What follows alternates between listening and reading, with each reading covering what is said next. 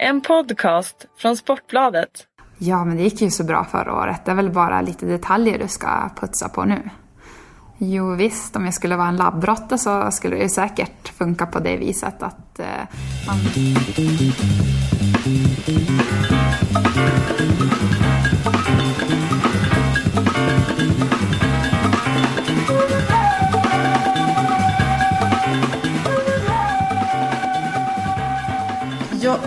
utanför fönstret här så har eh, mörkret fallit, för det gör ofta det tidigt på eh, senhösten, tidvintern i fjällvärlden. Vi befinner oss i Bruksvallarna och här inne är det varmt och skönt, eller hur? Och Charlotte Kalla som sitter mitt emot mig.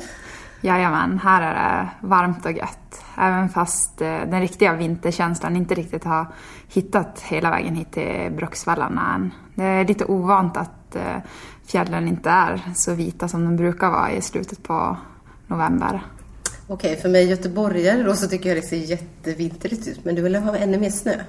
Ja, vi är som ganska vana när vi väl är här i Bruksvallarna att få dra upp på Mittoklappen och framförallt på eftermiddagspassen sticka ut med pannlampa och eh, tillryggalägga kilometer efter kilometer efter oss. Men eh, den här, det här novemberlägret har varit lite annorlunda. För det har bara funnits eh, drygt fyra kilometer att snurra på.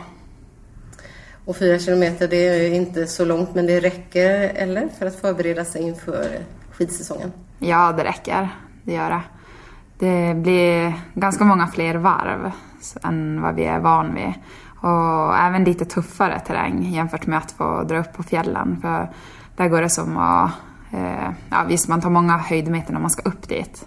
Men det blir betydligt många fler höjdmeter på GPS-klockan när vi summerar passen där vi snurrar på Edilspåra. Har dagen varit bra? Mår du bra? Ja, dagen har varit bra. Jag mår bra just nu. Det är eh, ganska mycket lugn, förvånansvärt, så här dagen innan tävlingspremiär. Jag förvånade dig att du är lugn. Ja, jag hoppas på att eh, jag kommer bli, känna mig ännu mer taggad när jag vaknar imorgon bitti. Men eh, jag väljer att se på det att det är ganska skönt att inte ha för mycket nervositet och fjärilar för tidigt. För det kommer jag nog att få chans att uppleva eh, ja, de kommande helgerna som eh, är nu fram till jul. Där vars det är mycket tävlingar. Ja, och det här är alltså kvällen före eh, Sverigepremiären. Vi har precis eh, kört ut dem som sitter och gör startlistan här. De sa bättre att Charlotte får sitta lugn och ro och stilla. Eh, det går ingen nöd på dem. De, de jobbar på med de ska era startlistor för imorgon. Men när det här känns, det här programmet, så har du hunnit klara av Sverigepremiär och en världscupspremiär. Vilken känsla hoppas du att du har efter de gångerna, eller de helgerna? Jag hoppas att jag kommer ha med mig en god känsla. Och speciellt vid världscuppremiären för det är lite skillnad att eh, få möta internationellt motstånd och det är för första gången under säsongen. Det är alltid ett oskrivet blad, en ny säsong. Och ja, i Kosamo när jag får chans att träffa alla andra för första gången på flera månader, ja, men då tror jag det kommer vara extra pirrigt i magen. Falun och VM, eh, vilka bilder har du i huvudet när du tänker på det? Det är den veckan som jag hoppas på att vara i riktigt bra slag. Det är verkligen något som jag ser fram emot. Och, och nu är det ju mindre än hundra dagar kvar till VM så det börjar närma sig. Men samtidigt så känns det som att det är en bra bit kvar och när jag börjar grotta ner mig i veckorna och eh, kolla på planeringen framåt så finns det ju massvis med eh, tid och träningspass och möjligheter till att eh, fortsätta göra ett bra jobb. Så jag ser fram emot att göra det jobbet. Du sa när vi träffades tidigare då i höstas att ungefär vet folk verkligen vad som krävs för att ens hålla sig kvar på den här mm. nivån? Känner du så ibland att vi här utanför då som inte Ja, som även jag menar, fans och mm. supportrar och ledare och liksom alla svenska folket som bara förväntar sig att du ska dunka hem medaljer i Falun. Att du inte riktigt har liksom insikten i eh, hur nej, svårt det är. Nej, inte riktigt insikt i att äh, även idrottare och skidåkare är människor. Och det är inte så himla Men nej, nej, det är små maskiner som kör. Ja, det är lite så det känns. Ja. När jag får frågor som mm. att Ja, men det gick ju så bra förra året. Det är väl bara lite detaljer du ska putsa på nu. Jo visst, om jag skulle vara en labbrotte så skulle det säkert funka på det viset att eh, man behåller det mesta och så snäpper man upp en del bitar. Men det är så himla mycket mer som ska stämma på vägen dit så det handlar ju i slutändan om energi ut och energi in. Då kan man nå utveckling också. När du hör då dessa liksom, förväntningar och uppfattningar och eh, eller när du hör vad folk förväntar sig, eh, hur känns det inombords då? Eh, nej men jag har ju full förståelse att alla inte kan ha kunskap och erfarenhet om vad ett liv som elitidrottare innebär. Eh, eller vad mitt liv innebär. Så. Eh, ja, vad tänker jag egentligen? Att det viktigaste ändå är mina mål och det jag sätter upp. Det är där jag ska hålla fokus, inte på vad andra hoppas på. Även fast det är väldigt smickrande och att jag blir stolt över att höra att många tror att jag har kapacitet och möjlighet att prestera riktigt bra. Ja, du, blir, du blir snarare stolt, du blir inte så här lite liksom, sur. Att vad sjutton väntar sig folk egentligen? Eh, du förstår vad jag menar? Ja, men jag kan som bli ibland lite förvånad. Eh, jag tar det så självklart att eh, ja, men det är inte så enkelt. Och så när jag får intrycket av att någon eh, ja, kommentarer eller något mejl eller en hälsning eller bara så av någon som eh, har känslan av att i år kommer jag vara ännu bättre. Att, eh, ja, det, då känns det inte riktigt som att de har så mycket förståelse för vad det egentligen innebär. Och, eh, att de kanske inte ser att det finns så mycket svårigheter, bara möjligheter. Det är bara åka skidor. Ja, precis. Det är bara åka. Men det är ja. Stenmark kanske som tänkte så. Det gick du ut för hela tiden. Du ska upp för också. Ja. Kanske mer att bemästra. Du, jag har en hälsning till dig. Mm. Mm. Och nu är jag tvungen att snegla lite här. ja. Ska jag ta fram mitt block så ska du få en hälsning och den låter så här. Charlotte, eh, förbered dig mentalt på att eh, VM i Falun blir mycket mer upphåsat än du någonsin kan föreställa dig. Men jag vet att du klarar av det. Lycka till. Vem kommer hälsningen från tror du? Oj. Det var svårt. det förstår jag. Det ja. kan inte du... Jag kan hjälpa dig på Ja, gärna. Det är Marie Helén. Alltså Jaha, Billan. Billan. Mm. Mm. Billan Vad var, kul. Ja, så hon hälsar väldigt gott och hjärtligt och trycker på att du kommer klara det och lycka till. Men Mm. När hon kom till VM i Falun, när det arrangerades förra gången, så kom hon ju som den stora affischstjärnan dit. Mm. Och blev fullkomligt, berättade hon för mig, blev fullkomligt eh, ja, chockad när hon kom in i byn och såg att det hängde flaggor överallt med hennes ansikte på. Mm. Eh, hon var inte alls förberedd på det och inte förberedd mentalt på, att, eh, på liksom den fokusen och vad det tog från, från liksom henne när hon skulle in mm. och prestera på tävlingarna.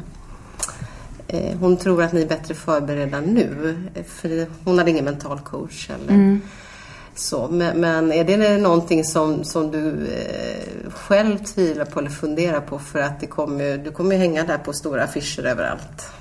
Det är ju kalla affischer i soffor och annat på vägen in. Ja. Nej men, vi försöker ju att vara lite förutseende och förberedande i stort och smått men det är ju ändå svårt att kunna ta in känslan som kommer vara just där och då. Och sen, eh, ja... Eh, ett OS är stort och det har vi haft. Eh, året som var. Men samtidigt så är man som idrottare ganska skyddad. Så vi lever i vår lilla OS-by. Och, eh, kanske att eh, eh, ja, vi försöker tänka till lite grann på hur tillgängliga vi ska vara under mästerskapet. Och med alla möjligheter som finns idag så eh, lär det inte vara mindre förfrågningar från media. Alltså med eh, ja, allt från webb-tv till skrivna tidningar till webben till bloggar och podcasts och studier. Och, ja, det finns allt möjligt. Och, eh, många av oss är aktiva på sociala medier och ja, det finns ju alla möjligheter i världen att fylla dagarna med annat än bara tävlingar och eh, skidåkning. Kan du hälsa, hälsa något tillbaka till Billa? Vad tror du? Tror att eh det är någonting som du kan ta med dig därifrån, liksom, hennes erfarenhet? Eh, då att, att liksom, verkligen vara riktigt förberedd på det som kommer hända? Ja, jag blir väldigt glad över att hon eh, tänker till eh, vad hon såg var en utmaning. För det finns nog väldigt mycket likheter Även fast det var 93 och nu är vi 2015 så jag tror att det tåls att fundera på. Kanske inte så mycket på vad jag inte ska göra utan kanske ännu mer på vad vill jag fylla dagarna med för att kunna hålla fokus och energinivån uppe. Vad är det som ger mig energi? Då tänker jag direkt på att nej, inte en massa förbud men det kommer bli mycket som jag nog tackar nej till. Men viktigare är att tacka ja till andra saker, tror jag. Vad är det som ger dig energi om man tittar på, på i din vardag nu? Liksom, eh, det är mycket träning, mycket fokus på, på, på träning och återhämtning och äta rätt och sova rätt och sådär. Men vad gör mm. du för att liksom ge din själ energi? Eh, ja, men det är att eh, ta mig tid till de grundläggande sakerna som jag verkligen tror kommer kunna påverka min prestation i rätt riktning. Att eh, känna att jag kommer in i träningspasset med ett lugn. Det är inte andan i halsen som jag spänner på skidorna och så sticker ut i spåret tio minuter sen. Eh, att jag får gå och lägga mig i tid och äta bra. Men sen finns det ju massvis med saker runt omkring. Och jag har ju erfarenhet från tidigare mästerskap och jag tycker det är ganska skönt ända från att vi drar iväg på uppladdningsläger att eh, få stänga av rätt mycket. Just att det inte är så mycket beslut och eh, stora projekt. Jag skulle inte vilja börja renovera badrummet hemma och springa och bestämma kakel och klinkers och duschvägg och vars uttag ska sitta. Det eh, stressar mig mer när jag är, inte är hemma. Men däremot... Så... Har ni, har ni, skulle renovera i somras, var det inte så? Har ni gjort det? Eh, jo, men vi har renoverat lite gästrum och byggt en altan och så. Men, men inte nu, nu är det så, renoveringsstopp? Nu, nu är det renoveringsstopp. Ja.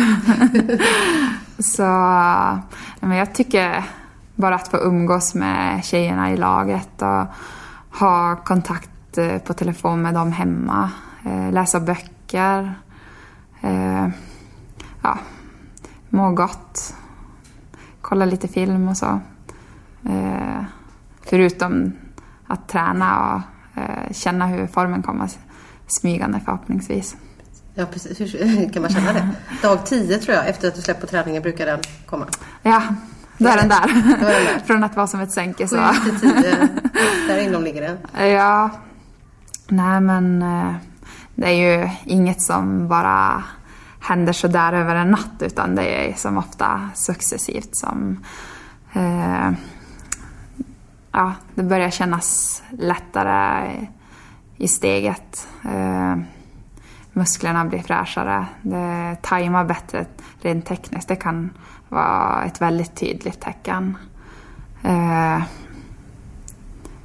ja, ett ganska stort lugn. Så. Eh, och sen bara vetskapen om att eh, få göra de här guldkornen till pass, formtoppningspass.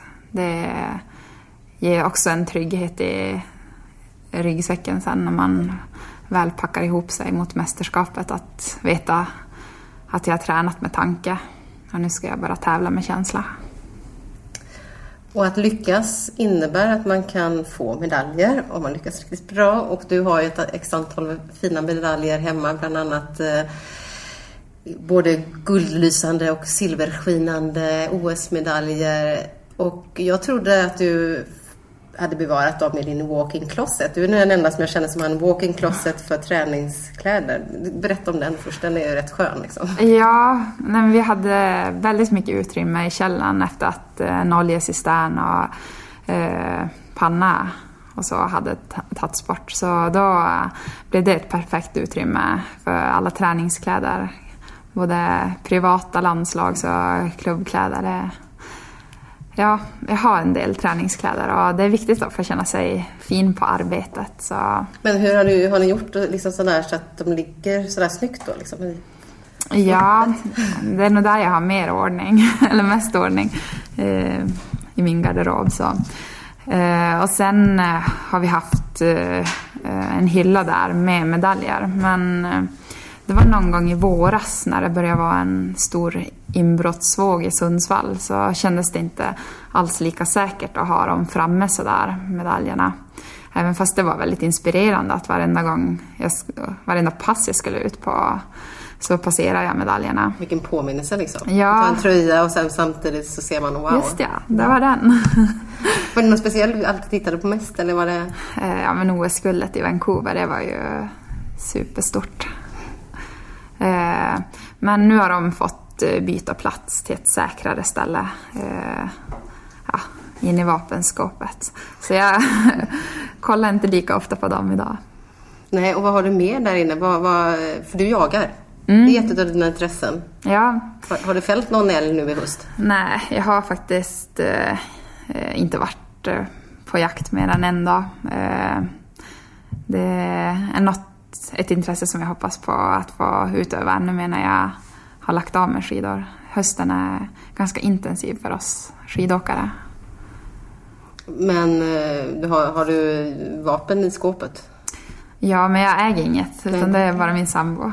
Ja, du äger inget. Man måste ha med licens har du? Ja, jag har det. Men jag har som inte känt att jag kommer tillbringa så mycket tid eh, ja, på jakt så att jag eh, eller ja, jag har ju haft planer att köpa ett eget men det har inte bara blivit av.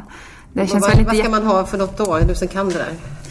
Eh, ja, det jag varit mest sugen på det är en Tikka T3 men för att jaga älg då men eh, ja, vi får väl se vad det blir. Jag känner att eh, eh, ja, skaffar jag vapen så måste jag vara med på skjutbanan och komma förberedd till jakten. Eh, men ja, det får bli framtiden. Just nu så njuter jag bara av att få vara ute och samla på mig mer erfarenheter för det är inte jättemånga jaktdagar som jag har hittills. Så bara att få vara med och se och lära det betyder otroligt mycket för mig. Och få komma ut i naturen, det, är det också lite Charlotte där, att du, du gör det inte förrän du verkligen är förberedd och kan det och liksom kanske till och med duktig på det? Eh, är det, är det lite Charlotte eh, i ett nötskal? Eh, ja, kanske lite, men också sen mycket jaktetik, att man ska komma förberedd dit. Eh, man ångrar aldrig ett eh, eh skott som inte har avlossats. Utan det skulle vara så mycket värre ifall det första skottet skulle vara eh, ja, att jag skulle skadeskjuta ett djur. Eh, och jag tycker alltid hösten kommer så himla snabbt och så bara fasen man skulle varit på skjutbanan. Och så var älgjakten dagen efter. Men ja, det får, bli, får jag spara till framtiden.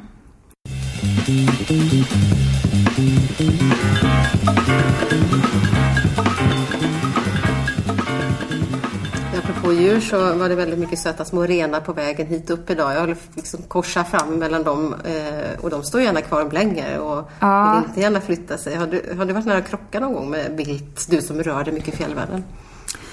Nej, inte jättenära men det vet man ju hemma i Tären. Då, då är det ju i stort sett varenda biltur som man stöter på några renar. Så det gäller att vara vaksam. Det är inte riktigt som när jag kör bil hemma i Sundsvall. Så jag är uppvuxen med renar på och vid vägen och att eh, hålla uppsikt var de är. Apropå då jakten som är ändå ett intresse utanför skidåkningen. Vad, om du har då en ledig dag eh, och kanske en bit ifrån mästerskap och annat. Vad, vad gör du för att, liksom, för att roa dig själv? Vad tycker du är skoj?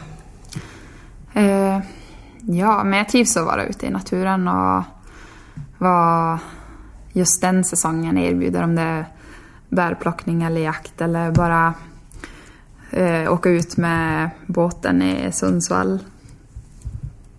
Eh, ja. Vad har ni för båt? Jag bara säga det... Nej, det är Anders som har en båt. Jag vet Anders inte vad... båt. Det är någon... En liten motorbåt. Så det blir inte några längre turer med den. Det blir ganska fort öppet hav i Sundsvall så det är inte jättemycket skärgård. Så eh, är det spegelblankt så vill man verkligen passa på att ta sig ut. Men inga vattenskidor? Eh, nej, det har inte blivit så mycket det. Jag har nog bara åkt vattenskidor en gång i mitt liv och då var det ingen sån som satt vid ratten på båten. Eh, men däremot i sommar så har det ju blivit väldigt mycket bad. Det har varit helt fantastiskt att kunna åka ut och äta vid någon fiskerestaurang och sen ta ett dopp eller ja, ett dopp innan man har stuckit ut och käkat. Det har varit helt fantastiskt. Och det är saker som good, good feeling, alltså ger det bra liksom, eh, energi och sådär. Mm. Om vi vänder på, på det, vad, vad är det som gör dig arg utom de här besvikelserna som kan komma i samband med lopp liksom, i livet? Eh, ja... Vad gör mig arg egentligen? Ja, det är en stor fråga. Orättvisor. Eh, oärlighet. Eh, men det är nog ganska sällan som jag blir riktigt arg. Så. Jag har nog närmare till att känna besvikelse eller bli ledsen. Så, tror jag. Ja, det här liksom att brusa upp, inte... Nej, det är inte jätteofta. Kommer du ihåg någon gång du har, liksom, någon gång du har blivit riktigt arg på någonting som, som du känner det är kanske orättvist behandlad? Eh, ja, undrar när det var senast. Eh, nej, jag kan ju som bli upprörd om jag känner mig orättvist behandlad. Så, och eh, eh, så vill jag oftast reda ut det direkt. Ifall... Eh, Ja, Charlotte blir så här rakryggad. Ja, som inte precis. ser. Oj, ja, ja. Eh, När jag fick ett otrevligt sms där vars jag inte tyckte att eh, personen i fråga var väldigt... Han var som, det var inte något konkret vad jag hade gjort för något fel. Och eh, jag märkte på att personen i fråga var väldigt upprörd på mig. Och försökte ringa upp. Tänkte, nej men det här... Nu måste vi reda ut det här. Men jag fick inte tag på den. Då var jag arg och kunde inte släppa det även fast jag visste att äh, men, lägg ingen energi på det här. Släpp det. Eh, ja, men då, det var nog senast jag var arg. Var det från någon du kände eller var någon helt eh, okänd? Jo, det var en som jag kände. Och det är väl kanske det också som blir eh, personer... Jag, vill, jag är ganska mån om att relationer ska fungera. Och att eh, det är det som ger mig energi. När jag känner att eh, jag kan skratta ihop och ha förtroende för folk. Och eh, ha spännande, intressanta samtal. Och, ja, det är det som verkligen eh, får mig att må bra och vara lycklig. Ibland så kan sånt vara så mycket viktigare än att det går bra på träning. För när sånt flyter på då, ja, då flyter träningen bara av sig självt Och alla beslut som ska tas, det blir som så självklart när, när jag mår bra. Eh, då är som inga frågor eller beslut för svåra. Så när relationer inte fungerar eller när det blir missförstånd och så, då tar det energi av mig. Jag vill som reda ut det. Och, ja. När blir du berörd? För det är ju en annan känsla än att bli arg. Mm. Det är väl kanske också samma sak när eh, jag märker att någon inte riktigt mår bra eller grubblar över något. Eh, då kan jag verkligen bli berörd. Eh, men också berörd när, när någon verkar må bra och har haft några superhärliga upplevelser eller eh, det har gått vägen och ja, det fått överträffa sig själv lite grann. Och, ja, då kan jag bli glad. Du har varit på två bröllop i sommar. Blev Mm. du berörd då? Ja, verkligen. Det var två väldigt fina bröllop. Så mycket kärlek under helgen. Som ung kvinna med sambo tänker man då att då någon gång vill jag också stå där. kan man ju tänka om man inte har Ja. sambo också. Ja. Nej, men jag vet inte. jag drömmer inte så jättemycket om det om jag ska vara ärlig. Eh, Det var inte så att jag blev jättetaggad. Eh, Nej, det... Jag får vänta till senare.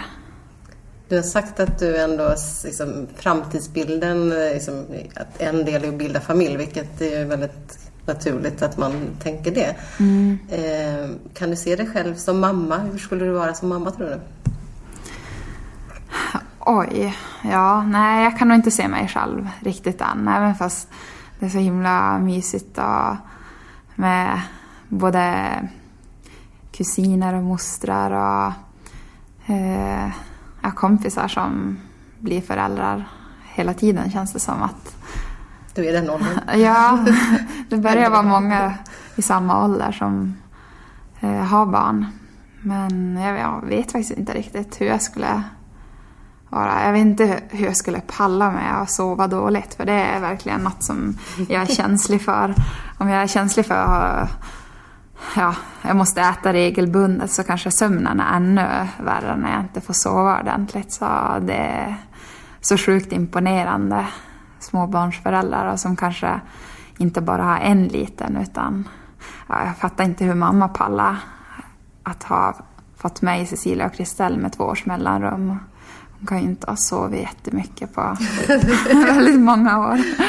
Nej, det är sånt man inte tänker på när man är liten, men man kanske tänker på det när man är äldre. Ja, Men din mamma Lena då, som var med nu på OS förra året, ja, eh, såg ju ut som hon hade klarat det där ganska bra, eller hur? jo, Eh, vad betyder hon för dig? För hon har inte varit med lika mycket på tävlingar som pappa Per-Erik brukar vara. Nej, mamma betyder mycket för mig. Hon har alltid varit en förebild som jag har sett upp till. Så är det.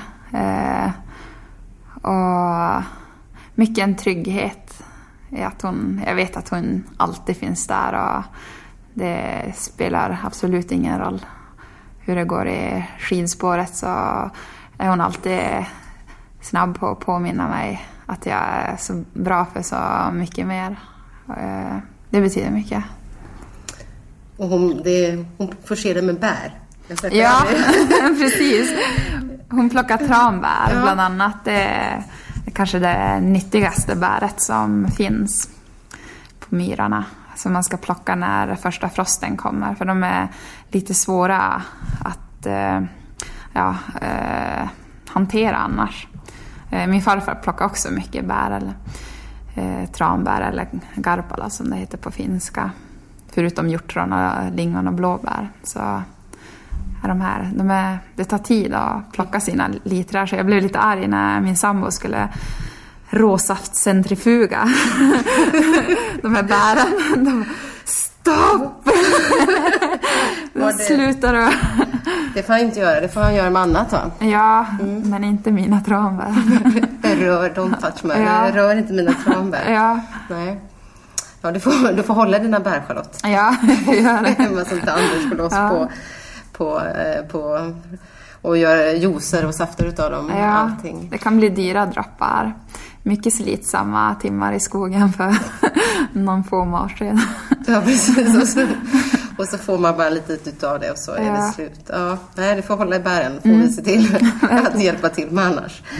Eh, mamma då, alltså Lena eh, träffade jag också då, då förra året vid OS där, där hon var med. Mm. Och, eh, hon berättade för mig eh, när vi gick där i OS-parken och du kom, skulle komma med din medalj att eh, under, eller efter Tour de Ski, alltså ditt stora genombrott som var omtumlande eh, på många sätt för dig. så hade ni haft lite intervjuer hemma i samband med det men efter det för dina systrars skull så, så, så sa mamma stopp. Lite grann för att skydda dina systrar då för att, från din framgång om man säger så. Visste du om det? Var du medveten och involverad i de samtalen? Nej, det har jag nog inte varit. Inte vad jag kommer ihåg. Så. Eh, sen eh, tycker jag att eh, det har varit starkt av mamma. Och hon har varit ganska bestämd länge att nej, men jag vill inte synas. Och, eh, jag är tacksam över att många har respekterat det också. Att inte klampa på och så. Eh, så ja, det krävdes lite övertalnings eh, innan hon ställde upp på att medverka då på eh, den här kampanjen som var. Det var ju ett väldigt fint syfte att eh, Thank you mom.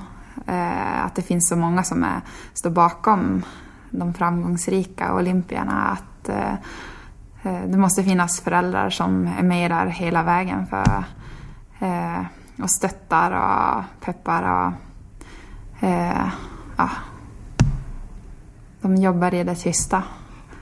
Eh, men Men du, du visste inte ändå att, eh, att hon lite grann för att skydda dina småsystrar då? Eh, För du är ju stora syster. Mm. jag är stora syster också. Liksom. Eh, jo, men till viss del så vill jag nog gärna ta, ta hand om Cecilia och Kristel. Eh, känner du där också att, att det har varit viktigt för dig gentemot dem? Liksom, att, att eh, du har ditt liv och, och sen har ni era syskonrelation utan att blanda ihop liksom, din framgång och sådär. Att inte det spiller över på, på något annat sätt än positivt. Ja, det är inte jättemycket som vi pratar om och mycket som kanske inte ligger i min kontroll heller. Så för mig så handlar det väl kanske mest att ta hand om mina egna tankar. Att inte när annat folk eller när eh, personer ganska nära oss eh, väljer att lägga jättemycket fokus på mig och mina prestationer. Ja, det är ju liksom deras eh, ansvar. Jag kan som inte eh, styra det. Eh, och jag ska inte ta på mig någon skuld heller att eh, det blir mycket fokus på mig för jag är inte den som vill stå i centrum så. Och det tror jag mina systrar är ganska väl medvetna om att det inte är jag som hetsar upp den här stämningen eller de här samtalsämnena. Att det blir väldigt mycket fokus på mig utan det får stå för andra. Så. Kan du någon gång, alltså nu har du många år bakom dig och du några år framför dig med mycket skidåkning och fullt fokus. Kan du någon gång stanna upp och känna så här att oj, liksom, har jag försakat saker? Har jag lagt liksom 10-15 år här i en liksom bara ett stort hål av svett liksom. Det finns medaljer där också. Eh, har du tänkt den tanken någon gång? Att du försakar tonårssaker, sånt som alla andra gör? Nej, det har jag inte tänkt. Det känns det verkligen inte som. Det känns så otroligt spännande att få vara idrottare och inte bara försöka pusha gränser och åka snabbare i skidspåren utan också den resan som jag gör eh, genom att lära mig mer om mig själv och hur jag fungerar i pressade situationer. Det är som eh, mycket som ställts på sin spets. Så, så nej, verkligen inte. Det känns som en enorm möjlighet att mycket erfarenheter som jag kommer ha med mig efter skidkarriären också. Men liksom bara åka på liksom tre veckor Thailand och bara riva loss på, på liksom strandbarerna. Det är inte så att du tänker? Nej, det är väl inget som jag saknar sådär mm. jättemycket. Nej, det har det inte varit. Vad gör du när du är liksom vild och galen då?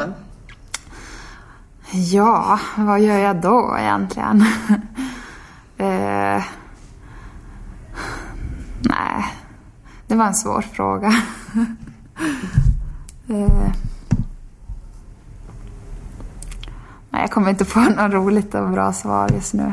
Men eh, om man tittar på liksom konserter, bio och den formen, liksom, det, är inte, det är inte så wild and crazy men liksom det är ändå en annan Liksom, det, gillar du att gå på det? Liksom? Ja, och det var jättehärligt i förra sommaren. Då var det, nu vet jag inte om det hette Arenafesten eller Konsertfesten. Det var i Sundsvall i alla fall. Och så eh, var det Håkan Hellström eh, en av kvällarna. Och så hade jag Cecilia och Kristel på besök i Sundsvall. Och, ja, det var grymt. Så mycket energi och så mycket dans och glädje. Det var, det var en kul kväll. Ja, där har du ja. kunna släppa, liksom, kunna hitta andra vägar och göra andra saker. Eh, och systrarna, de, är det, är det, firar du ibland jul med? Och vi kommer in i december och ja. Lucia och jul. Berätta för dig, vad, vad, hur firar du jul? Hur vill du fira jul? Hur, hur du göra? Ja, jag eh, kommer ihåg, eller när jag var yngre och bodde hemma, då Eh, Eh, var vi som ofta hos min morfar i Kemijärvi tillsammans med alla kusiner och mostrar och eh, min morbror och morfar då. Så då var det så många rumpor som fick plats på soffan, kökssoffan. Eh, och sen massvis med stolar och någon fick sitta vid spisen kanske. Men ja, det fanns alltid rum för allihopa. Och, Ja, mycket bus och upptåg. Det var riktigt mysigt. Och hur firar du jul i år? Eh, I år så kommer jag vara uppe i Norrbotten. Vi kommer hem från eh, Frankrike och Lactusa eh, måndag den 22. Så det blir att sätta mig på ett plan direkt upp till norr. Vad äter du? Vad vill du ha på jul? Alla vill ha Åh, jag vill ha gravlax. det är det absolut. Är det det? Gravlax och hovmästarsås. Det är det absolut viktigaste. Alltså hemmagjorda köttbullar. På eh, renkött eller vanligt nötkött? Nej, på älgfärs. På älgfärs. Eh, ja, vad mer? Nej, men det är så mycket. Mycket gott. Nej, det behöver inte vara så avancerat. Det viktigaste för mig är att få umgås med julen det värsta julminnet då? Har du något sånt där när du fick, när var liten och kanske fick en julklapp som du absolut inte ville ha? Ja, men julen 2000, vad kan det ha varit, 2008? Jag tror det var året efter touren. Oh, ah, när jag vaknar upp och har ont i halsen och vi ska åka till touren bara någon dag senare. Och bara gå omkring och hoppas på att det ska försvinna och känna efter. Och till slut inse att det kommer inte bli något toureski för mig. Det var supertråkigt. Men det var ingen kul jul? Nej. Då var det lite svårt att njuta av att vara där tillsammans med allihopa. För jag ville ju så gärna resa iväg bara någon dag senare. Men då blev det mer julfirande och nyårsfirande hemma i Norrbotten istället. Alltid ja, med... vi fick köra pulkrace upp, uppe i Luleå på Ormberget. Och, ja, vi, ja, det blev nog bra av det också. Du, vilken person har betytt mest för dig? Oj. Min sambo Anders betyder väldigt mycket för mig. Kan du berätta vad? Vad är det som är viktigt där? Eh, att få känna samhörighet med honom och att få eh, bara vara. Eh, skratta tillsammans. Eh, hitta på grejer ihop. Men samtidigt bara kunna känna lugnet och eh, alla intressanta diskussioner. Och, ja, nej men det är mycket. Han betyder mycket. Och eh, vilken kvinnlig förebild har du som är stor? Det kan vara en känd, det kan vara någon annan, det kan... Eh, nej men då måste jag nog välja min mam- mamma igen. För att hon, hon är så himla empatisk och eh, klok och ärlig. Det är viktigt.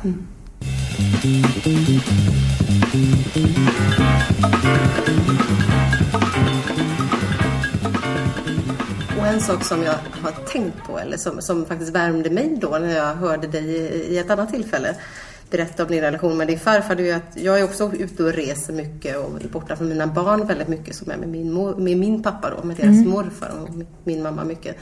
Och då han är med dem på, på deras idrott väldigt mycket. Så, så berättade du om din relation med din farfar och så kände jag, ja, men man behöver inte ha dåligt samvete för det finns ju andra vuxna förebilder för barnen att få. Och din farfar verkar ha varit med dig mycket och liksom varit den förebilden. Hur viktigt har det varit för dig? Ja, det är tack vare han som jag började åka skidor. Det var han som frågade om jag och min eh, kusin hade lust att hänga med på en träning med IFK Tärendö när jag var sju år gammal. Och det var han som jag gick till innan skidträningarna och han vallade skidorna och sen eh, var han med där under träningspassen. Och tog det, ja, han har, måste ha haft ett enormt tålamod för det gick nog inte snabbt varven runt Iljöspåret på den tiden. Och så har han funnits med även på tävlingar eh, hela juniortiden i stort sett. Och framförallt när jag var ungdom så då var det jag och farfar som åkte banorna innan start. Då. Och jag tror att det var i Åsarna på min första juniorcup som, ja nu hade han väl kanske gena någon gång tidigare men då sa han nej hörru, nu får du nog åka själv. Jag orkar inte hänga med något mer. Men innan så var han och jag som åkte runt och diskuterade utförskörningar och uppförskörningar och ja, lite små taktiska eh, funderingar och så. Han eh, heter Bengt eh, och var i Kuusamo förra året. Eh, Det är en bit att ta sig men eh, skulle han kunna orka åka ner till Falun tror du i vinter? Ja, jag tror nog att han skulle. Han... Eh, jag törs inte säga ifall det blir så eller inte. Jag ska... Ja, jag måste kolla upp det där lite bättre. Ja, vi får se. Han kanske dyker upp. Det skulle inte förvåna dig kanske ändå om han gör det. Nej, han följer ju väldigt eh, intresserat på TV i alla fall. Kan hända. Kan hända. En annan sak som drar igång när ni drar igång i helgen är Vinterstudion. Eh, s- väldigt stort för många skidälskare och supportrar ute. Vad, vad, har du en, någon speciell liksom, relation med Vinterstudion och eh, pratar de mycket med dig inför säsongen liksom, eller kör ni bara ett vanligt sån här journalistmixad zonupplägg eller hur ser det ut? Eh, men när Johanna Ojala kom med som... Är hon expertkommentator? Eller ja, vad, vad nu titeln är. Då eh, pratade jag lite med henne inför första världscupen och så. I och med att jag känner henne, henne sedan tidigare. Eh, men nej, mest är det eh, som ett vanligt journalistiskt eh, vad ska man säga, journalistisk relation. Ja. Men det är inte du- jättemycket kontakt med dem annars. Nej. Vad betyder Vinterstudion för dig? Den betyder mycket för folk i hemma Ja, nej, för mig så betyder det ju tyvärr att jag ofta har ont i halsen och ligger nerbäddad under en filt och suckar och hade gärna stått där på startlinjen istället. Det är väl den relationen jag har. Som tittare på Vinterstudion. Ja, det är sant. För du tittar inte när du åker. Nej, nej, men jag förstår ju att Vinterstudion betyder otroligt mycket för svensk längdskidåkning och den popularitet som vi har nått idag. Att eh, de väljer att satsa så mycket och försöka ge den här inblicken till eh, tv-tittaren om vad det verkligen är för några svårigheter. Det är liksom inte, det är så mycket förberedelser innan vi har dratt på nummerlappen och står där på startlinjen och genomför loppet. Utan ja, vallarna de har varit igång i flera dagar och eh, testat strukturer och paraffin och pulver och fästvalla och klister och ja, allt möjligt som går att mätas och testas. Och sen finns det så stor trupp runt omkring oss med fysios och ledare och eh, en chaufför till lastbilen och ja, det är en stor trupp som är ute på turné när vi är i farten. Så det, eh, ja, det betyder väldigt mycket att de väljer att sända så många timmar som de gör. Ja, det kommer de göra i vinter och eh, de kommer säkert visa en del. Charlotte, vad, om du får hälsa någonting till, eh, till Aftonbladets eh, eller våra lyssnare får vi säga då, för nu har vi inte läsare utan du vill hälsa någonting till våra lyssnare här som ska följa dig med in i säsongen. Vad är det? Jag tycker det är superhäftigt och härligt att det är så många som är så skidintresserade. För jag tycker det är ja, det läckraste som finns när det väl tajmar i teknik och när jag får gå in i bubblan och hittar formen. Och det verkligen gå fort, fort i spåret. Så fortsätt att följa oss. Det betyder otroligt mycket, det stöd som vi i längdlandslaget känner.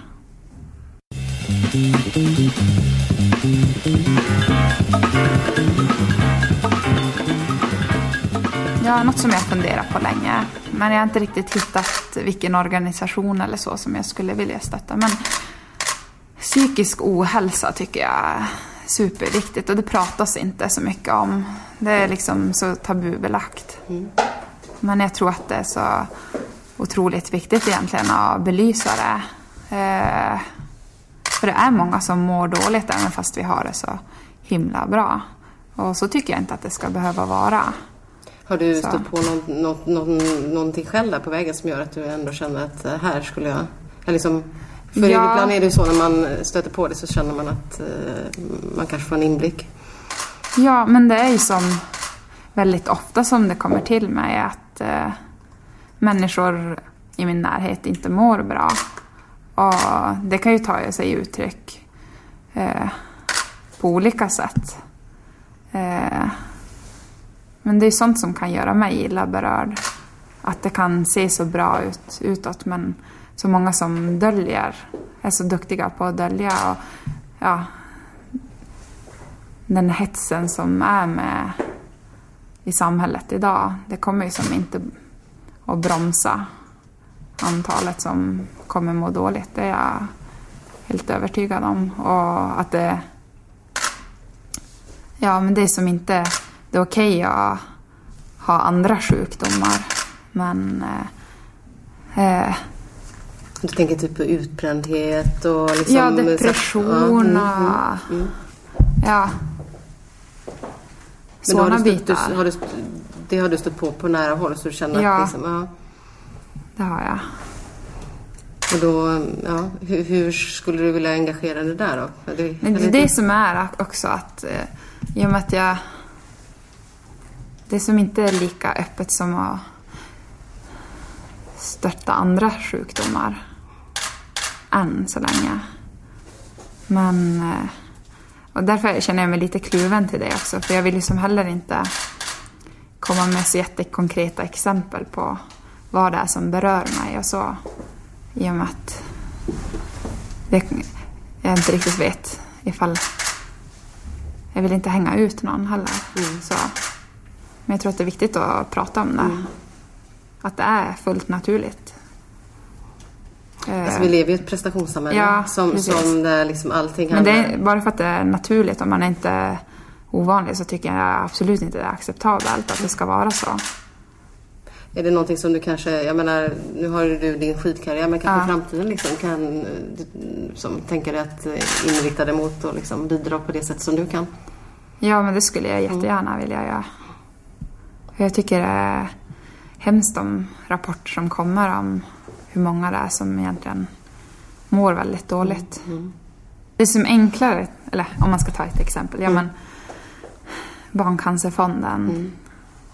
För det går som mer att ta på. Så. Men eh, många som kanske har psykisk ohälsa, ja men det är ju ofta högpresterande som också är drabbade av utbrändhet eller depression och så. Och att det är som så mycket skam och ja, men, mental svaghet. Men det är ju som inte de som... Eller, det är ju inget lika med tecken så. Utan just bara att det är så många som ställer så himla höga krav på sig själva. Men det, har Ja. det känns ju som att du alltid liksom har lyckats på något sätt inte identifiera dig med skidåkaren Charlotte. Eller är det något du har lärt dig på vägen? För det skulle ju kunna vara väldigt lätt om man är i din position också att bli sådär, och jag måste prestera, jag måste vara bra, jag måste kunna det här, jag ska finnas... Ja, nej, men jag har nog haft ganska mycket kloka folk. Som har våg, vågat vara ärlig och rak också och ställa, ja men varför håller du på med det här egentligen? Det är ju som inget Ja, varför lätta... gör, för- varför gör varför det? gör- Varför gör det? Ja, Ja. att man vågar vara lite tuff med sig själv och brottas med det. Inte bara följa med för att man alltid har varit skidåkare. Och Det är rätt härligt att ha den här livsstilen. Utan ja, men gör något utav det. Och varför håller du på med det här? Ja, för att jag tycker det är så himla skoj. Och det är häftigt att få jobba. Hitta strategi för att utveckla något. Och sen lyckas med det. Och det har du bevisligen lyckats Ja. med. Kanske kan bli coach. Alltså jag tänker Ja. mer som personlighetscoach. Ja, precis. Man vet aldrig vad som händer efter skidkarriären. Nej, det vet man inte. Men vi vet att om du inte kommer till middag snart så kommer Ja, då kommer- Torbjörn. Kanske Magnus också. ja, ja, oj, Magnus. Han är Magnus här. Då får vi Magnus Ingesson, Charlotte Kallas personliga tränare. Du, avslutningsvis Charlotte. Eh, stort tack för att du nu sitter Charlotte och håller i mikrofonen här som hon är på väg att ta av. Eh, stort tack för att du tog dig tid. Och eh, vi har ju följt dig eh, på vägen fram mot VM och vi har två träffar kvar efter det här. Innan det smäller i Falun. Så att eh, Det närmar sig. det närmar sig. Tack för att jag fick vara första gästen. Ja, härligt att ha dig med. Tack. Tack.